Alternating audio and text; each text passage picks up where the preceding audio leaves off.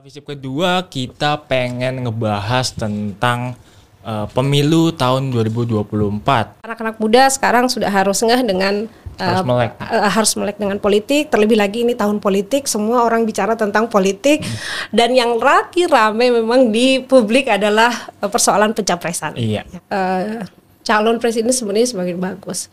Ini juga menjadi indikator kita melaksanakan demokrasi dengan dengan baik.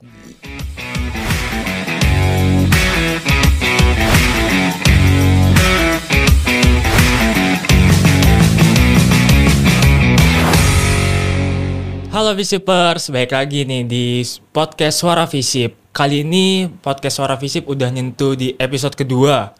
Nah, Suara Visip ini eh, kita tentunya bakal ngebahas tentang politik-politik, apalagi isu-isu yang lagi apa ya, lagi menggemparkan di dalam negeri ini. Dan eh, di Suara Visip kedua kita pengen ngebahas tentang eh, pemilu tahun 2024 apa saja sih dinamikanya, apa saja sih uh, proses pencapresannya dari mulai Anies Baswedan hingga Ganjar Pranowo dan kita juga bakal ngebahas tentang Aldi Taher yang yang apa ya, yang menggemparkan uh, anak-anak muda gitu, yang anak-anak muda tuh sangat terhibur oleh Aldi Taher. Mungkin uh, perkenalkan nama aku Ramadhanul Hidayat. Aku dari Ilmu Komunikasi angkatan 22, aku juga sebagai host dari Suara Visip. Kali ini Suara Visip tidak akan eh, ditema akan ditemani oleh salah satu dosen ilmu politik UPN Veteran Jakarta dan juga salah satu anggota Bawaslu eh, Jakarta Selatan. Siapa lagi kalau bukan Ibu Ulfa Aziz SIP MSI. Selamat siang Ibu. Selamat siang. Apa kabarnya? Sehat alhamdulillah. Kamu gimana sehat? Alhamdulillah. eh, selain menjadi dosen dan juga eh, anggota Bawaslu, itu kesibukannya apa lagi sih, Bu? Iya, iya harus disebutkan ya. Hmm.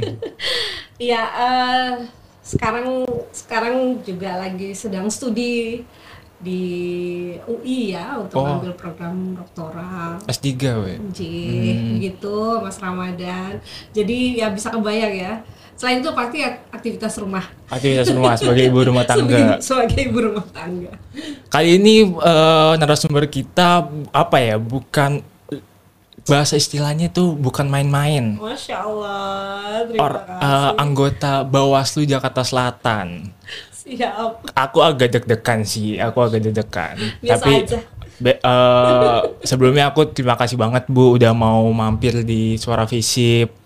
Sama dong, saya juga terima kasih. Sama-sama Ibu. Eh, mungkin sebelum kita masuk ke pembahasannya yang yang apa ya mendalam banget, ada satu fenomena Bu. Mhm. Aldi Taher. Oke, Aldi Taher. Aldi Taher. Ini apa ya di kalangan anak-anak muda itu sebagai hiburan Bu. Iya, iya, iya. Padahal eh, kalau misalkan dilihat dari segi politik, dari segi teori-teorinya, ini kan agak cukup kontroversial. Tapi eh, netizen-netizen warganet tuh melihat bahwa Aldi Taher ini seperti eh, pendingin dari suatu pencapresan ini. Oke. Adanya Aldi Taher ini aku melihat juga eh, sebagai apa ya? Sebagai eh, bentuk bentuk anak muda itu supaya aktif dalam eh, pencapresan dan juga aku juga ngelihat eh, ketika Aldi Taher seperti itu bahwa eh, proses pencalekan, proses pemilu itu eh, ternyata nggak se apa ya Gak seserem. nggak seserem itu anak-anak muda sekarang udah mulai juga udah mulai melek gitu terhadap pemilu Siap. mungkin eh, ibu melihat fenomena itu seperti apa nih bu Oke, ini karena audiensnya pasti lebih banyak anak muda ya. Iya. Jadi kita coba mengangkat fenomena dari Aldi Taher.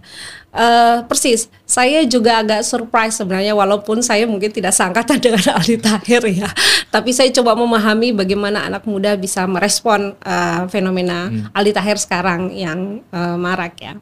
Jadi kalau kita lihat Aldi Tahernya sendiri, Aldi Taher betul saya kira usianya juga masih sangat muda Masih dan sangat itu muda. bisa jadi representasi anak muda.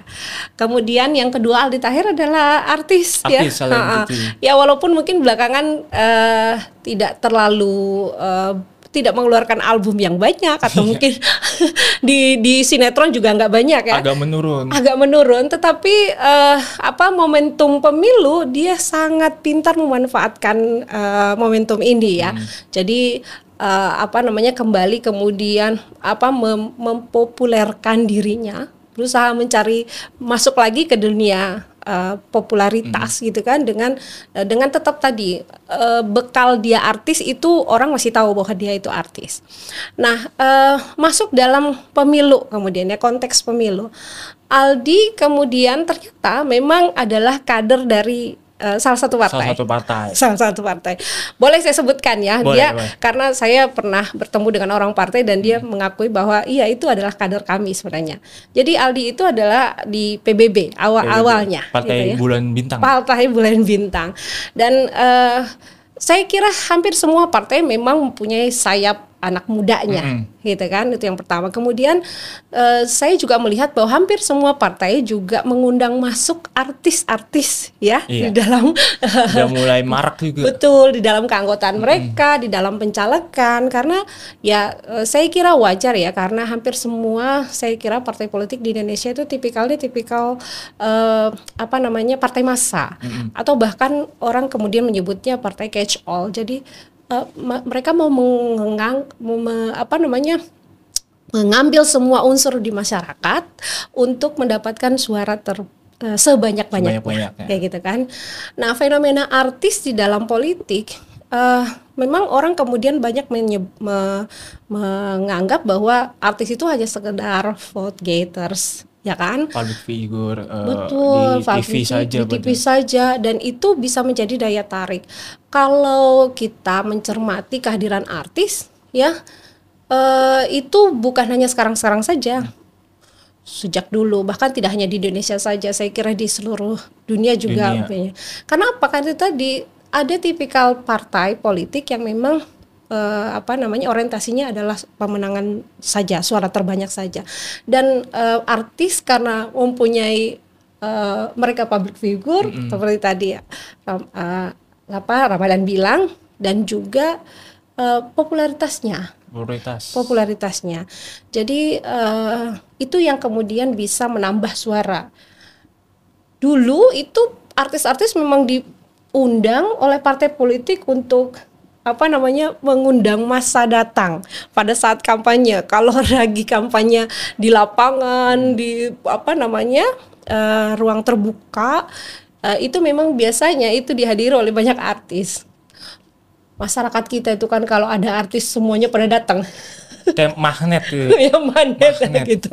Nah terlebih lagi saya mau masuk ke Ali Taher. Ali Taher ini eh, ya belakangan aku sih bilangnya dia komedian ya. Mm. Jadi eh, misalnya Ali Taher komentar tentang konsernya Coldplay. Coldplay. Kemudian sekarang dia juga membawakan setiap dia opening eh, apa namanya konsernya. konsernya itu selalu menyanyikan lagunya Coldplay, Coldplay. dan eh, se apa sederet narasi-narasinya yang memang nyeleneh gitu ya Nyeleneh. kan. Nah, itu kemudian saya lihat masuk ke dalam jiwa anak-anak muda sekarang yang memang eh, tidak mau terlalu serius Mm-mm. kayak gitu kan. Jadi komedian, kemudian ada Coldplay-nya juga yang kekinian gitu kan. Eh, itu sangat matching dengan apa yang sekarang digandrungi anak-anak muda, muda. milenial. Jadi cocok lah dan saya kira ini saya sepakat. Akhirnya saya harus sepakat bahwa politik yang asumsi orang itu serem bahasanya serem orang hanya bicara tentang negara gitu kan kayaknya kok aduh flat banget mengerikan Monoton. monoton gitu ya tiba-tiba ada sosok-sosok anak-anak muda yang mungkin lebih lucu gitu kan lebih masuknya dengan eh, cara anak muda gaya anak muda yang tidak terlalu serius gitu kan nah itu bisa kemudian mengundang perhatian anak-anak muda yang akhirnya nanti bisa juga ikut melihat eh, bahwa politik itu ya bukan hanya urusan yang sangat serius banget gitu kan tapi bisa dibahasakan dengan cara-cara yang sederhana Berarti eh, politik ini sebenarnya bukan buat orang tua aja. Iya, iya dong. anak-anak muda bahkan eh, kalau aku lihat tuh eh, KP, KPU pernah eh, pernah mengeluarkan apa ya survei gitu Mm-mm. 55% hingga 60% eh, suara itu berasal dari anak muda. Betul sekali. Jadi KPU kemarin sudah menetapkan daftar pemilih tetap dan itu angkanya 60% nanti itu uh, zilenial milenial yang akan menentukan nasib bangsa ini lewat pemilu loh. Iya. Kalau anak mudanya nggak sadar politik gitu kan. Nah, itu Bisa jadi ya betul kan problem. problem karena ini sangat menentukan nasib bangsa, Bangsa. besok gitu kan 60% akan nyoblos dan ini tugas-tugas kita semua nih termasuk suara visip ya kan Iya. saya kira ini juga medianya kita bisa melakukan pendidikan politik anak-anak muda supaya bisa sadar nih bahwa tuh ternyata kelompok kita ini besok akan sangat menentukan nasib bangsa dan performa teman-teman yang kemudian nyalek karena banyak juga kemudian yang udah masih muda udah nyalek gitu Udah- kan iya, udah mulai speak up. Betul, udah speak up juga, bahkan udah nyalek gitu loh. Jadi berani untuk menjadi salah satu nanti yang akan dipilih oleh rakyat. Nah, bukan mudah-mudahan ini apa namanya eh, mereka kemudian sadar bahwa ada representasi anak muda nanti yang juga akan menunjukkan performa yang lebih bagus gitu kan dan eh, ngerti persoalan anak muda. Iya. Eh, terutama kan kita eh, rata-rata masih mahasiswa, masih dibilang anak muda. Itu kan apa ya sangat penting lah untuk melihat ke depannya nanti pemilu supaya nggak asal-asal milih. Itu kan bakal menentukan nasib bangsa kita sendiri. Banget. Nah, eh kita baru nih Bu masuk ke dalam apa ya? Yang tadi kan ada anak mudanya, Hmm. agak agak bercanda-bercanda enak eh, kayak hiburan gitu. Heeh. Sekarang kita pengen, aku mau nanya Bu, Eh, dari proses pencapresan Hmm. hingga saat ini, eh, pertama-tama kan Partai Nasdem ini eh, ingin membuat koalisi, koalisi partai besar. Hmm. dan mengusung Anies Baswedan. Setelah Anies Baswedan di apa ya habis masa jabatannya uh, masa jabatan gubernurnya langsung diusung. Hmm. lalu uh, dila- uh, dilanjut dengan Pak uh, Pak Prabowo yang apa ya bisa dibilang mengusungkan. Mengusungkan mengusungkan diri sendiri uh, uh, dari Partai Gerindra lalu uh, setelah itu partai PDIP nih yang ditunggu-tunggu sama masyarakat sama elit-elit politik siapa yang akan diusung Mm-mm. awalnya kan ada omongan kalau misalkan Puan Maharani yang akan diusung Betul. mungkin kalau aku sendiri bu aku pandangan aku sendiri kalau misalkan Puan Maharani yang diusung Mm-mm. ada uh, unsur-unsur nepotisme bu Oke, ya. karena apa ya dari seorang orang tua yang menjadi eh, ketua umum partai yang mengusungkan anaknya ini kayak aku ngelihatnya kayak ada nepotisme. Dan juga sebenarnya kalau misalkan dilihat dari suara-suara rakyat rakyat-rakyat tuh eh, lebih suka dan lebih apa ya lebih pengen Ganjar Pranowo yang diusung. Tapi eh, Bu Mega memilih Ganjar Pranowo yang diusung. Jadi eh, sebenarnya aku mau nanya Bu, Anies Baswedan ini kan udah nggak punya jabatan apa-apa di pemerintahan. Itu apakah sebuah keuntungan bagi Anies Baswedan untuk eh, apa ya mulai kampanye-kampanye, terus juga eh, gimana sih Bu kalau misalkan Ibu ngelihat Prabowo yang masih menjabat sebagai Menteri Pertahanan dan juga eh, Ganjar Pranowo yang masih menjabat sebagai Gubernur Jawa Tengah itu kadang menjadi serangan politik bu. Ketika ingin mendekati Presiden Jokowi eh, katanya katanya itu sebagai tugas eh, tugas dari Menteri Pertahanan atau Gubernur Jawa Tengah itu itu kadang menjadi serangan-serangan politik bu. Ibu melihat hal itu seperti apa bu? Oke, baik. Nih kalau tadi uraiannya Ramadan nih, ini banyak banget yang harus diuli, diulas ya satu-satu ya.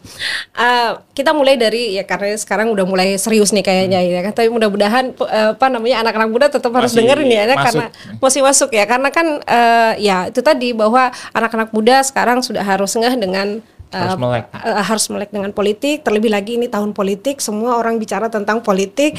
Dan yang lagi rame memang di publik adalah eh, persoalan pencapresan. Iya. ya kan? Jadi kalau kita lihat sekarang capres eh, bakal ya bakal, Bakal capres capres. gitu ya. Jadi belum belum bahkan belum ada penetapan Nah, jadi uh, karena memang akan ada pemilu uh, presiden, hmm. maka partai-partai kita ini sekarang udah mulai menggeliat membentuk koalisi-koalisi, ya koalisi-koalisi, karena sadar betul bahwa di antara semua partai kalau ngelihat aturannya uh, capres itu harus diusung oleh partai politik atau gabungan partai politik hmm. dan harus uh, paling sedikitnya 20 persen yang uh, apa namanya suara yang diperoleh pada tahun uh, 2019. Nah PDIP saja itu 19,33 persen. Ini pemenang kursi terbanyak, terbanyak. PDIP, PDIP, tapi tidak sampai 20 persen. Oleh karenanya dia harus butuh uh, teman partai yang lain. Kalau kita lihat sekarang PDIP uh, after ini ya after deklarasi hmm. uh, P3 kemudian yang menjadi koalisi iya, ya, ya kan buru-buru. Uh, bahkan sebelum itu ada PSI walaupun PSI nggak bisa dihitung karena iya, dia nggak punya kursi di DPR di DPR ya. Tapi di jumlah uh, eh, PDIP dan P3 itu udah nyampe dua puluh persen Uh, tentunya itu paling sedikit ya. Bisa kemudian mengundang partai-partai lain. Secara hari ini yang saya lihat itu Golkar kemudian PKB dan PAN itu belum menentukan sikap ke mana-mana. Iya. kan itu ya. Uh, Oke, kita coba masuk ke pencapresan uh, di kubu PDIP dan P3 itu sudah mendeklarasikan Ganjar Pranowo. Dan memang persis kata Ramadan bilang sebelumnya memang ada uh, ya konto apa pro kontra lah ya. Siapa sih yang akan diusung PDIP tentunya hmm. karena di dalam internalnya memang terlihat juga menguat Puan Maharani. Iya. Uh, ya walaupun pada akhirnya putusannya ke Ganjar Pranowo, ya. Uh, ya bisa jadi uh, memang hitung-hitungan politiknya uh, akhirnya harus memutus ke Ganjar Pranowo. Hmm. Tapi kalau kemudian tadi Ramadan sedikit membicarakan tentang politik dinasti itu politik kekerabatan. Nepotisme. Nepotisme kerabatan. Sebenarnya hampir semua partai itu punya apa putra mahkota atau putri mahkota. Tuan muda sebenarnya. Di PDIP ya memang ada uh, siapa uh, Mbak Puan, Mbak gitu kan, kemudian uh, di uh, Demokrat ada AHY, AHY gitu kan. Kemudian di PAN sekarang juga ada tuh anaknya, anaknya uh, Sri apa Zulhas itu iya. si siapa namanya putri siapa gitu yang ya. Yang viral banget oh, oh yang oh, oh yang nyanyiannya luar biasa itu. Uh, ya saya bisa bilang hampir semua partai uh, apa namanya banyak melibatkan keluarganya dan saya saya yakin sekali anak-anak itu juga pasti akan berorientasi untuk kepimpinan pucuk-pucuk pimpinan. Dan uh, saya juga setuju tadi bahwa kalau masyarakat kita kemudian sadar bahwa uh, nepotisme itu sebenarnya uh, agak sedikit sedikit menurut saya walaupun sebenarnya nepotisme itu enggak 100% salah. Kalau men, kalau memang memenuhi kualifikasi, kapasitasnya bagus gitu kan, saya kira nggak masalah masa salah saya mengandung anak yang kemudian anaknya akan menggantikan saya? Karena karena hubungan anak saya kemudian dia tidak bisa berkarir. Itu kita menghalangi juga hak politik hmm. termasuk anak sendiri. Tapi uh, uh, ya itu maksudnya sepanjang dia punya kualifikasi yang bagus itu kapasitas yang keren gitu kan saya kira tidak tidak ada masalah. Uh, Uh, cuma memang itu yang terjadi di masyarakat kita karena seakan-akan uh, nepotisme itu seperti memberi karpet merah gitu kan sementara yang lainnya tidak. Iya. Kayak gitu kan. Jadi memang prinsip rekrutmen itu memang harus berdasarkan pada prinsip seperti uh, harus inklusif tidak eksklusif harus terbuka memberi kesempatan kepada siapa saja dan juga sistem meritokrasinya harus jelas gitu kan. Dan di partai terlebih lagi, ini partai kan semua mengklaim dirinya demokratis. Iya, sangat demokratis. sangat demokratis. Uh, semua pemilihan apa pun uh, disampaikannya ke publik sebagai mekanisme demokrasi internal partai kayak gitu kan. Jadi selalu ada kata demokrasinya. Jadi seolah-olah itu adalah semua adalah hasil rembukan. Walaupun uh, ya akhirnya terlihat bahwa beberapa partai juga uh, apa mengusung anaknya sendiri atau keluarganya sendiri seperti itu. Tapi ya inilah kita lihat faktanya di PDP sekarang yang muncul adalah uh, Ganjar Pranowo. Nah kemudian kalau lihat uh, apa namanya Gerindra, Gerindra uh, yang diusung karena memang amanah internal partainya hmm. adalah Pak Prabowo. Kalau kita lihat perolehan kursinya 12,57 persen, harus berkoalisi juga. Harus berkoalisi. Tapi hari ini uh, yang selalu digadang-gadang kan PKB ya. Iya. Ah, Caimin kan. Caimin. Ah, ah. Jadi tapi Caimin juga belum ada statement eh, jelas nih ya kan tentang Deklarasi partai juga belum eh, ada. belum ini ya kan Caimin kan PKB ya. Jadi eh, kalau kalau gol kalau Gerindra dan PKB dapat 20%. Jadi memenuhi syarat untuk mengusung satu calon ya kan. Tapi kita kita tunggu PKB. Bicara tentang Pak Prabowo, ya eh kita tahu ini akan menjadi periode ketiga beliau mencalonkan diri menjadi presiden. Dari tahun 2009. Oh, oh 2009, 2014 gitu kan. 2019 dan ah, sekarang lagi kan. Eh, ya, eh, sentimen publik mungkin akan masuk ke wilayah itu. Kayak gitu ya. Kalau belakangan hasil survei malah bilangnya ini paling survei paling terakhir tuh di Mei sampai Juni beberapa survei Prabowo yang eh, menang di beberapa eh, lembaga survei ya di di punyanya lem- lingkaran survei Denny JA terus indikator politik itu eh, semuanya ke poltreking ya semuanya Prabowo di atas 33% Prabowo semuanya memenangkan itu belakangan ini. Nah eh, Ya, saya kira karena itu ya eh, orang bicara tentang oh ini udah saatnya Prabowo kayak gitu kan. Eh, kemudian kita lihat juga belakangan Pak Jokowi Iya, ini sempat, banyak sempat mengeluarkan statement-statement. banyak merapat Iya. banyak merapat ke ke Prabowo kan gitu ya. Nah jadi itu mungkin yang eh, mengakibatkan hasil surveinya Pak Prabowo Meningkat. ini meningkat gitu kan. Dan eh, ya kita lihat nanti. Kemudian eh, yang awal banget melakukan deklarasi calon presiden adalah Nasdem. Iya Nasdem. Anies Anies Baswedan dan se- dan sudah terang sekali semua partai pendukungnya sudah sepakat. Jadi ada PKS dan ada uh, Demokrat. Kayak gitu kan. Nah, bicara tentang peluang Anies memang kalau bicara tentang hasil survei sekarang Anies ini di urutan ketiga. Selalu urutan ketiga akhir-akhir ini Bu. Iya, jadi eh seperti Ramadan bilang tadi belakangan ini yang selalu naik turun di di apa namanya di kalangan lembaga survei itu Prabowo, Prabowo, Ganjar, Ganjar, Prabowo, Prabowo, Ganjar, kayak Ganjar. gitu kan. Nah belakangan Prabowo, Anies malah eh, tertinggal tertinggal eh, jauh ya. Tadi saya bisa sebutkan seperti eh, siapa namanya LSI Deni JA, kemudian survei indikator, poltreking. Cuma satu sih SMRC ini eh, Saiful Mujani Riset ya yang Ganjar nomor satu. Tetapi ketiganya ini menempatkan Anies nomor tiga 18,9 persen di, di indikator. eh, kemudian people tracking 22,4, 19,2, LSI malah Anies cuma 20,8 persen. Nah, eh cuma saya sih jujur aja, saya berharap saya kalau saya pribadi saya berharap eh, lebih banyak kandidat lebih bagus. Iya. Sekarang ada dua tahun ke belakang kan ada dari tahun 2014 2019 tuh Oh, cuma dua, ya, head Sekarang to head ada banget tiga. gitu. Ini apakah sebenarnya ini bisa nggak sih Bu menjadi minimalisir ada perpecahan gitu? Apalagi yang kita lihat tahun 2019 itu sangat-sangat apa ya? Adanya banyak konflik, ada cebong kampret. Dengan adanya tiga tiga apa ya? Tiga pasangan. Apakah ini bisa meminimalisir eh, terjadinya konflik sih? Iya, eh, saya rasa iya. Kalau di awal-awal itu pasti memang eh, tidak akan head to head dulu.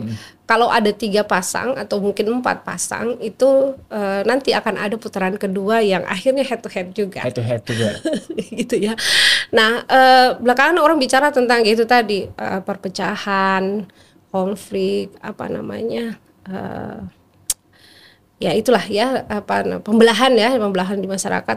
Tapi saya kira itu wajar. Saya kira itu wajar ya. Dalam sebuah kompetisi memang selalu ada yang selalu mau menang dan sel- yang mau menang dan yang mau menang pasti akan berusaha untuk bagaimana dia menang dengan cara bahkan apa pun gitu kan melakukan black campaign dan sebagainya misalnya seperti itu walaupun itu sangat dilarang kayak gitu kan nah eh eh, ya tapi menurut saya itulah eh, dinamika sebuah pemilu ya yang kontestasi politik ya Uh, nah tinggal nanti bawaslunya misalnya ya kan yang harus menindak kalau memang itu adalah sebuah Kecurangan. uh, kecurangan, black campaign ya kan dan sebagainya. Uh, uh, publik juga, saya kira publik harus menikmati itu. Uh, ya dan memang harus disadarkan segera sih. Maksudnya gini, konflik itu tidak bisa uh, berkepanjangan. Tapi saya melihat begini, fenomena misalnya DKI ya. DKI itu kan Hmm. paling kenceng ya kemarin ya 2017 pilkadanya 2017. kan gitu kan. Kampret cebong itu kan adanya di pilkada DKI. Ah. Nah gitu kan. Tapi setelah kemudian eh, selesai eh, cepat kok recovery menurut saya cepat recovery. Walaupun pada saat itu ya katanya suami istri aja sampai apa ngambek-ngambekan Gara-gara beda gara-gara pilihan. pilihan gitu kan. Nah tapi menurut saya eh, memang harus ada pendewasaan. Eh, kompetisi itu pasti akan selalu ap- ada pada kutub yang eh, berbeda. Misalnya karena kan memang hak-hak orang juga kemudian untuk bersikap ya saya senang saya tidak suka saya apa dan sebagainya. Tapi eh, ini maksud saya gini elitnya elitnya itu tetap harus berusaha untuk menunjukkan kompetisi ini kompetisi, kompetisi damai. Kayak gitu kan. Semua eh, apa namanya perbedaan untuk apa namanya pemenangan ini tetap eh, ditujukan untuk kemenangan bangsa kemenangan bersama dan sebagainya. Kayak gitu. Nah ini yang harus terus disampaikan oleh KPU-nya juga elitnya yang sedang bertarung misalnya gitu kan. Sehingga perpecahan itu tidak tidak berlarut-larut. Memang eh, pilkada sih sebenarnya yang paling banyak fenomena perpecahan di masyarakat itu ya. Tapi kalau sepanjang saya lihat pilpres memang ya makanya saya bilang dorongannya harus ke elitnya. Buru-buru misalnya kayak kemarin Prabowo mengucapkan selamat kepada Jokowi sehingga masa di bawah atau semua yang memilih itu kemudian menjadi adem, Iya. akur dan sebagainya. Jadi ini tugas elit ya menurut saya, tugas KPU juga terus penyelenggara untuk terus apa namanya membuat situasi supaya tidak mengarah kepada perpecahan atau pembelahan masyarakat yang yang banyak. eh ya, saya saya mau kembali ke tentang eh, semakin rame eh, calon presiden sebenarnya semakin bagus. Ini juga menjadi indikator kita melaksanakan demokrasi dengan dengan baik. Dan saya kira ini juga timingnya partai-partai itu menunjukkan kadernya. Ya dong, ya kan? dari selebriti ya terserah dari mana pun gitu. Jadi gini, kalau di teori rekrutmen politik, ya eh semua yang masuk ke partai politik pasti orientasinya adalah jabatan politik. Mereka melakukan pekaderan, disekolahin, diapain pokoknya kayak gitu ya, Eh, supaya kadernya itu yang nanti akan terpilih gitu, yang diperjuangkan kayak gitu kan. Jadi bukan berarti kemudian partai lain mengusung kader lain iya harusnya kan partai sendiri ngusung kader sendiri Iya, kan partai kayak gitu. sendiri. Nah gitu. Idealnya satu partai ya satu capres. Iya. Idealnya kayak Ah. gitu kan. Ya, cuman karena aturannya harus eh, 20% jadi kan nggak mungkin kan gitu kan. PDIP aja yang partai terbanyak perolehan suara kursinya tapi nggak nggak nyampe 20%, nyampe 20%. kayak gitu kan. Nah, padahal logikanya kalau di undang-undangnya nggak nyebutin persentase loh. Undang-undang konstitusi di undang-undang dasar di pasal 6A itu itu bahkan makanya pasal 22 Undang-Undang 7 2017 tentang pemilihan umum ini ini juga banyak yang ngugat bahwa ini kok nggak nggak sesuai dengan konstitusi. Konstitusi sama sekali tidak menyebutkan ada persentase Persentase. gitu kan. Jadi sehingga konstitusi sebenarnya memberikan jalan buat semua partai juga harus bisa jadi capres. Nah, eh, semakin banyak capres menurut saya orang akan semakin sadar bahwa pilihan itu banyak dan karena pilihan banyak salurannya jadi banyak, eh, saya malah berpikir akan tidak banyak konflik. Yang tajam konflik itu kalau head to head. head to head Iya. dua, dua pihak Dua pihak saja. Nah, cuman sekarang aku lihatnya gini, nih head to head kalau Ganjar dan Prabowo sebenarnya tidak terlalu kenceng karena orang bilang semua orangnya presiden dekat sama presiden dekat dengan presiden. Eh, ya all man presiden gitu kan, all president man kayak gitu kan. Jadi seperti itu. Eh padahal menurut saya uh, ya head to head itu akan terjadi di putaran kedua. Gitu. Uh, kalau kita kemudian apa me, me, apa namanya menakutkan persoalan tentang pembelahan tadi, maka uh, persoalan pembelahan itu saya kira tugasnya elit-elit kita, termasuk presiden, termasuk presiden itu juga uh, ya harus menenangkan masyarakatnya. Dia dia nggak boleh kemudian mengarah ke salah satu. tapi kan rata-rata uh, atau salah dua tapi kandidatnya tiga. tiga. Ya harusnya salah tiga gitu kan. tiga tiga. tiga tiganya. Kita kan apa ya media-media kadang membuat apa ya membuat pernyataan membuat berita tuh kalau misalkan presiden mengarah ke salah satu itu kan presiden dekat sama Prabowo, presiden dekat dengan Ganjar.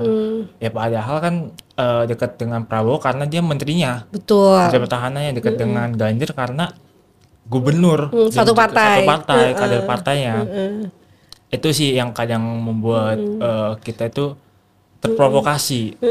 Soalnya kemarin yang diundang ke istana kan minus. minus Anies dan Pak. Partainya kan gitu kan. Harusnya kan ngundang semuanya kayak gitu kan. Jadi akhirnya masyarakat itu apa tergiring lah opini yang seperti itu. Untungnya persoalan cawe-cawe presiden itu kan segera langsung diklarifikasi Pak Jokowi hmm. Pak Presiden bahwa cawe-cawe yang dimaksud itu adalah uh, saya harus uh, apa namanya ikut campur untuk pelaksanaan pemilu yang lebih bersih adil hmm. dan sebagainya kayak gitu buru-buru seperti klarifikasi harus begitu kalau saya bilangnya iya sih maksudnya kenapa sih harus menggunakan terminologi ya? Bahasa cawe-cawe itu kan masa nggak bagus gitu. Iya. jadi harusnya dihindari kalimat-kalimat atau kata-kata yang bisa membuat orang itu tidak berpikir positif. Harus segera dikontrol akan yes. hal gitu. Mm -mm. Uh, oke okay, bu. Ini jadi pertanyaan terakhir. Okay. pertanyaan pilihan. Siap proporsional tertutup atau terbuka, Bu? Terbuka. Kenapa, Bu? Oke. Okay.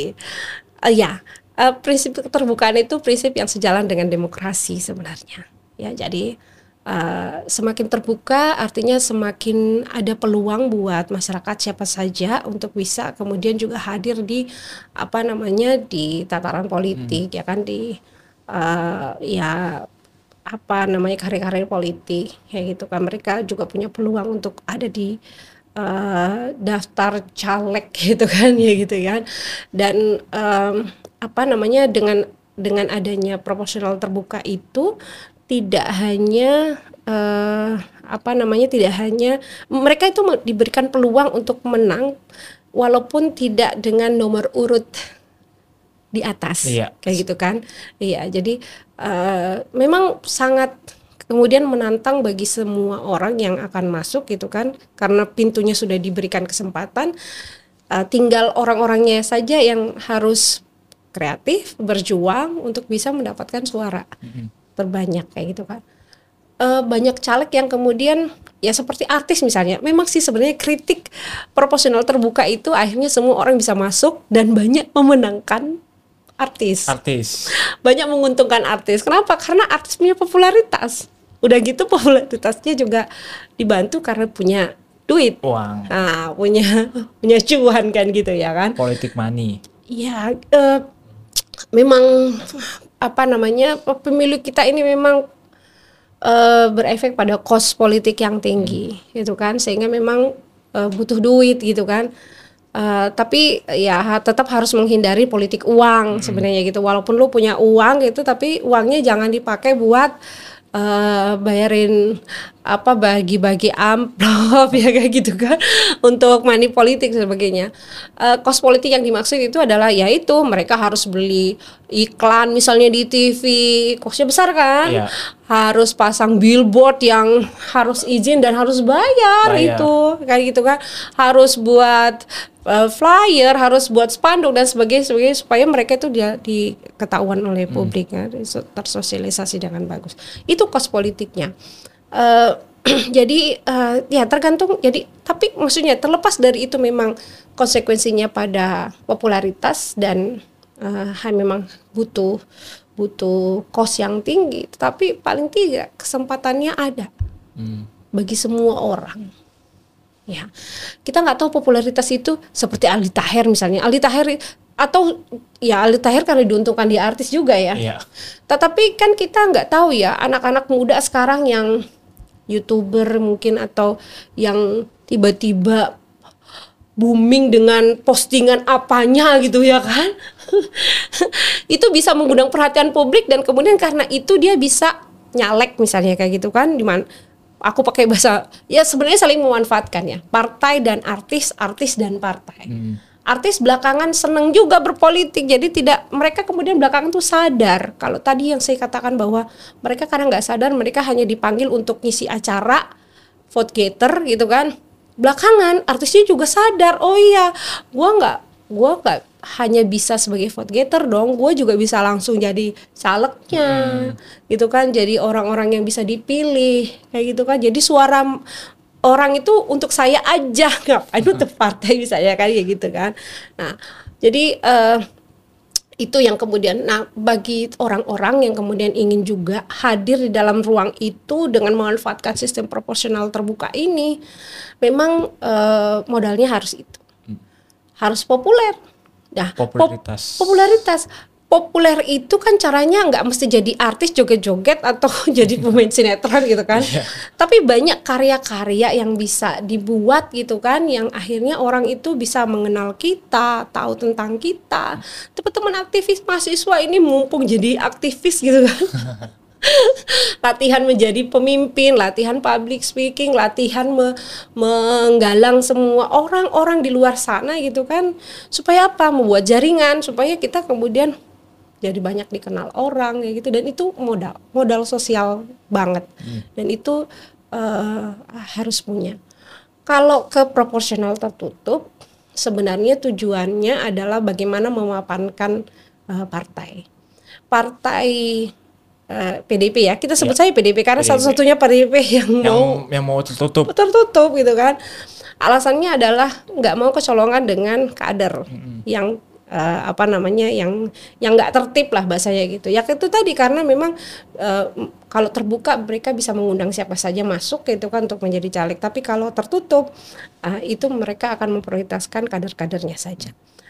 Dengan begitu mereka berpikir bahwa eh, kematangan eh, apa kader ideologinya dan sebagainya itu semakin kuat semakin bagus dan semakin mereka akan ya tegak lurus bahasanya tertib dan sebagainya kayak gitu kan eh, dengan partainya gitu. Eh, bagus sih sebenarnya ya tapi jujur aja saya belum yakin untuk konteks sekarang ini partai-partai itu bisa seperti itu. Karena kalau koreksinya adalah eh, masih banyak kos politik oligarki. Oligarki. Iya kan? Iya. itu saya takut mereka itu masih ditunggangi oleh oligarki karena elit kita juga masih sangat tertutup. Kayak gitu kan. Kalau mereka bisa menseleksi dengan dengan transparan dengan kriteria yang bagus sih kira nggak masalah. Gitu kan. Artinya kita masyarakat tinggal lihat walaupun istilah orang tuh kalau tertutup beli kucing dalam karung ya? Iya. karena yang dicoblos kan partainya aja Nggak kelihatan. nggak kelihatan. Kalau sistem proporsional terbuka kan kelihatan orang yang kita semuanya. coblos kan gitu. Nah, eh, kalau kondisi partainya udah keren, ya kan, udah keren itu dalam arti bahwa semua kadernya keren-keren gitu kan, dan partai politik itu performanya udah bener-bener eh, memperjuangkan rakyatnya terlihat gitu kan, Eh, ya tidak terjadi gap antara partai dengan apa yang diinginkan oleh rakyatnya saya kira masyarakat juga oke aja nggak apa-apa kita tertutup. Tapi persoalannya saya sendiri melihat itu belum tuh. Belum. Iya belum belum ya itu karena tadi partai politiknya belum jelas juga bagaimana mekanisme pengkaderannya mekanisme rekrutmennya. Masih sangat elitis ya kan? Itu sehingga eh, saya masih ketakutan kalau itu tertutup tertutup. Ya gini, proporsional terbuka saja, ada mekanisme seleksi yang itu parpol menentukan. Hmm. Itu terbuka aja. Menentukan nomor urut misalnya. Walaupun proporsional terbuka itu tidak mementingkan nomor urut ya, tetapi ternyata sebagian orang masih berpikir nomor urut itu tetap penting. Hmm. Gitu ya. Kemudian penentuan dapil itu partai yang menentukan banyak kemudian utamanya perempuan-perempuan itu keluhannya kenapa nggak banyak terpilih karena partai politiknya itu menempatkan calon perempuan itu di dapil yang salah di dapil yang calon perempuan ini nggak rawat, nggak nyiapin pendukungnya, tiba-tiba partainya ngelempar ke dapil yang lain. Nah ini maksudnya jadi partai itu masih sangat menentukan. Nah kalau cara partai menentukan itu tidak terbuka, masih tertutup, nah itu kan bermasalah. Apalagi kalau sistem proporsional tertutup, itu udah benar-benar kita udah nggak bisa ngapa-ngapain. Cuma uh, ngasih tangan aja ke ke partai gitu. Betul. Nah, ditambah lagi itu. Ya, bukan isu ya, tapi fakta-fakta orang bicara tentang oligarki yang masih si, sangat kuat. Masih marak banget. Mah itu kita takut oligarki itu menunggangi partai hmm. untuk menyusupkan semua kepentingan-kepentingannya dan akhirnya nanti yang terpilih adalah orang-orang yang akan memudahkan oligarki iya. itu berbuat semaunya. Seperti itu Ramadan. Uh, berarti terbuka ya Bu ya? Aku sih terbuka. Aku juga sebenarnya lebih suka terbuka sih. Uh -uh. Biarpun ya aku sejujurnya baru pertama kali milih. Uh -uh. Belum tahu cara gimana coblosnya, tapi kan aku uh, kebayang nanti muka-mukanya mm juga kan. Paling muka tidak itu tadi kita tidak membeli kucing dalam karung. Mm kita melihat juga nih oh orang yang ini yes. pernah uh, kelihatan di sini gitu yes. kampanye kampanyenya hmm. mungkin pembahasan kita juga udah cukup panjang banget nih bu dari mulai Aldi Taher hingga capres dan juga proporsional terbuka dan tertutup. Jadi Aldi Taher itu lucunya gitu ya. Setelah dicek karena kan lagi verifikasi administrasi calon tuh. Aldi Taher itu uh, dia dicalonkan untuk DPRD provinsi dari PBB. PBB. Nah, setelah ketahuan kemudian ternyata Aldi juga itu adalah caleg dari Perindo, Perindo. untuk DPR RI. Waduh, gitu ya. Agak Jadi tiban iya, iya. itu nggak boleh gak kan boleh, harus dipilih salah satunya nah belakangan udah dia di Perindo. Perindo tapi itu tadi saya pernah ketemu RPB iya bu itu kan kader kami gitu kan nah itulah jadi Uh, sekarang nih KPU lagi ada di tahapan verifikasi administrasi hmm. bakal calon legislatif. Kita sedang menunggu uh, hasil verifikasi itu supaya segera dilaporkan ke publik, publik. maksudnya ke masyarakat supaya kita bisa melihat ini oh ini dia caleg-calegnya gitu kan sudah semuanya memenuhi syarat hmm. karena ada yang biasanya lolos mungkin ya kan hmm. butuh masyarakat memantau supaya yang apa namanya yang benar itu benar yang tidak benar itu tidak tidak boleh seperti misalnya usianya di bawah kan kalau pemilihan itu harus 20 ya, 21 tahun ya. Atau misalnya TNI Polri kan nggak boleh nyalek. Nggak boleh. Netral, harus netral. Dan WNI, jangan salah, kita pernah kecolongan loh. WNA. WNA yang milih. Oh, bukan milih, WNA yang jadi calon uh, bupati di Saburai Juai NTT. Dan itu menang. Menang. menang. Coba ketahuan belakangan dia WNA, ah, baru kemudian akhirnya tuh dianulir ah. gitu. Jadi masyarakat perlu tahu ini siapa aja bakal calegnya hmm. gitu. Gitu Ramadan. agak apa ya? Agak agak kaget juga sih aku baru dengar uh, isu-isu itu. Mungkin uh, dengan adanya proporsional terbuka dan juga, mm. juga udah disahkan ya bu ya. Mm -hmm. Ini menjadi apa sudah ya? di ya karena di kemarin di judicial review mm. di Mahkamah Konstitusi kan, mm. nah sudah keluar putusan MK-nya bahwa kita tetap di proporsional terbuka. Ini kan supaya apa ya uh, demokrasi kita makin terlihat. Yes. Jadi uh, ya pada intinya kita sebagai negara demokrasi harus maju demokrasinya nggak boleh mundur. Betul. Nah, prinsip-prinsip demokrasinya harus harus ada, ditegakkan uh, gitu kan, terbuka ya kan gitu kan. ya. Kebebasan itu tetap harus uh, terlihat. Ya mungkin itu aja sih Bu. Kalau Hmm. misalkan dari pembahasan kita yang cukup-cukup panjang banget. Masya Allah, iya iya benar. mungkin aku pengen ngucapin terima kasih kepada Ibu Sama-sama, Ardana Ulfa yang udah mau main ke sini, udah mau Alhamdulillah dikasih yang kesempatan. udah mau ngasih edukasi kita, edukasi kepada kema-kema, terutama kema visip nih Bu yang Iya. Yang sebentar lagi bakal ngadepin eh, pemilu tahun 2024. Iya, iya. Yang rata-rata tuh ya semua mahasiswa pasti memilih gitu dan harus mengetahui juga nih siapa aja nih uh, yang bakal dicoblos gitu. Jadi bekal nanti tahun 2024 Iya. biarpun jauh tetapi kita tahu nih apa uh, latar belakangnya seperti apa. Betul, betul. Itu yang menjadi uh, tanggung jawab kita semua yang harus apa ya memberi edukasi sih Bu. Siap. Saya juga terima kasih loh dan karena saya juga diperkenalkan sebagai anggota Bawaslu, jadi saya juga nitip pesan ke teman-teman mahasiswa kema-kema supaya tidak hanya nanti ikut berpartisipasi di dalam memilih, tetapi juga ikut berpartisipasi dalam mengawasi, Mengawasi. pemilu. Iya. Laporkan, informasikan ke kami kalau ada dugaan pelanggaran pemilu macam-macam tuh pelanggaran pemilunya. Ada money politik, ada penyebaran berita bohong, ujaran kebencian, gitu ya.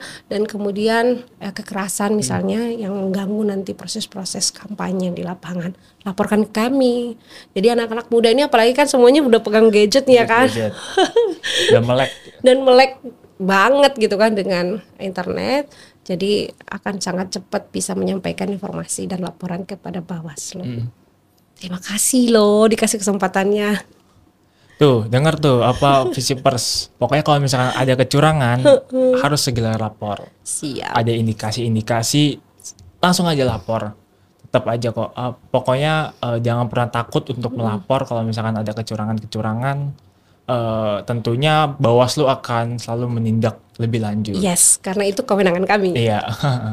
Oke Bu, eh aku paling bisa mengucapin beribu-ribu terima kasih sih Bu. Sama-sama, saya juga terima Eh, kasih. mungkin eh, untuk sebagai penutup, aku eh, Ramadan Hidayat dan Ibu Ardana Ulfa Aziz, Ulfa, siap. aku pamit undur diri dan nantikan episode-episode Suara Visip ke depannya. Dan terima kasih Visipers. Terima kasih.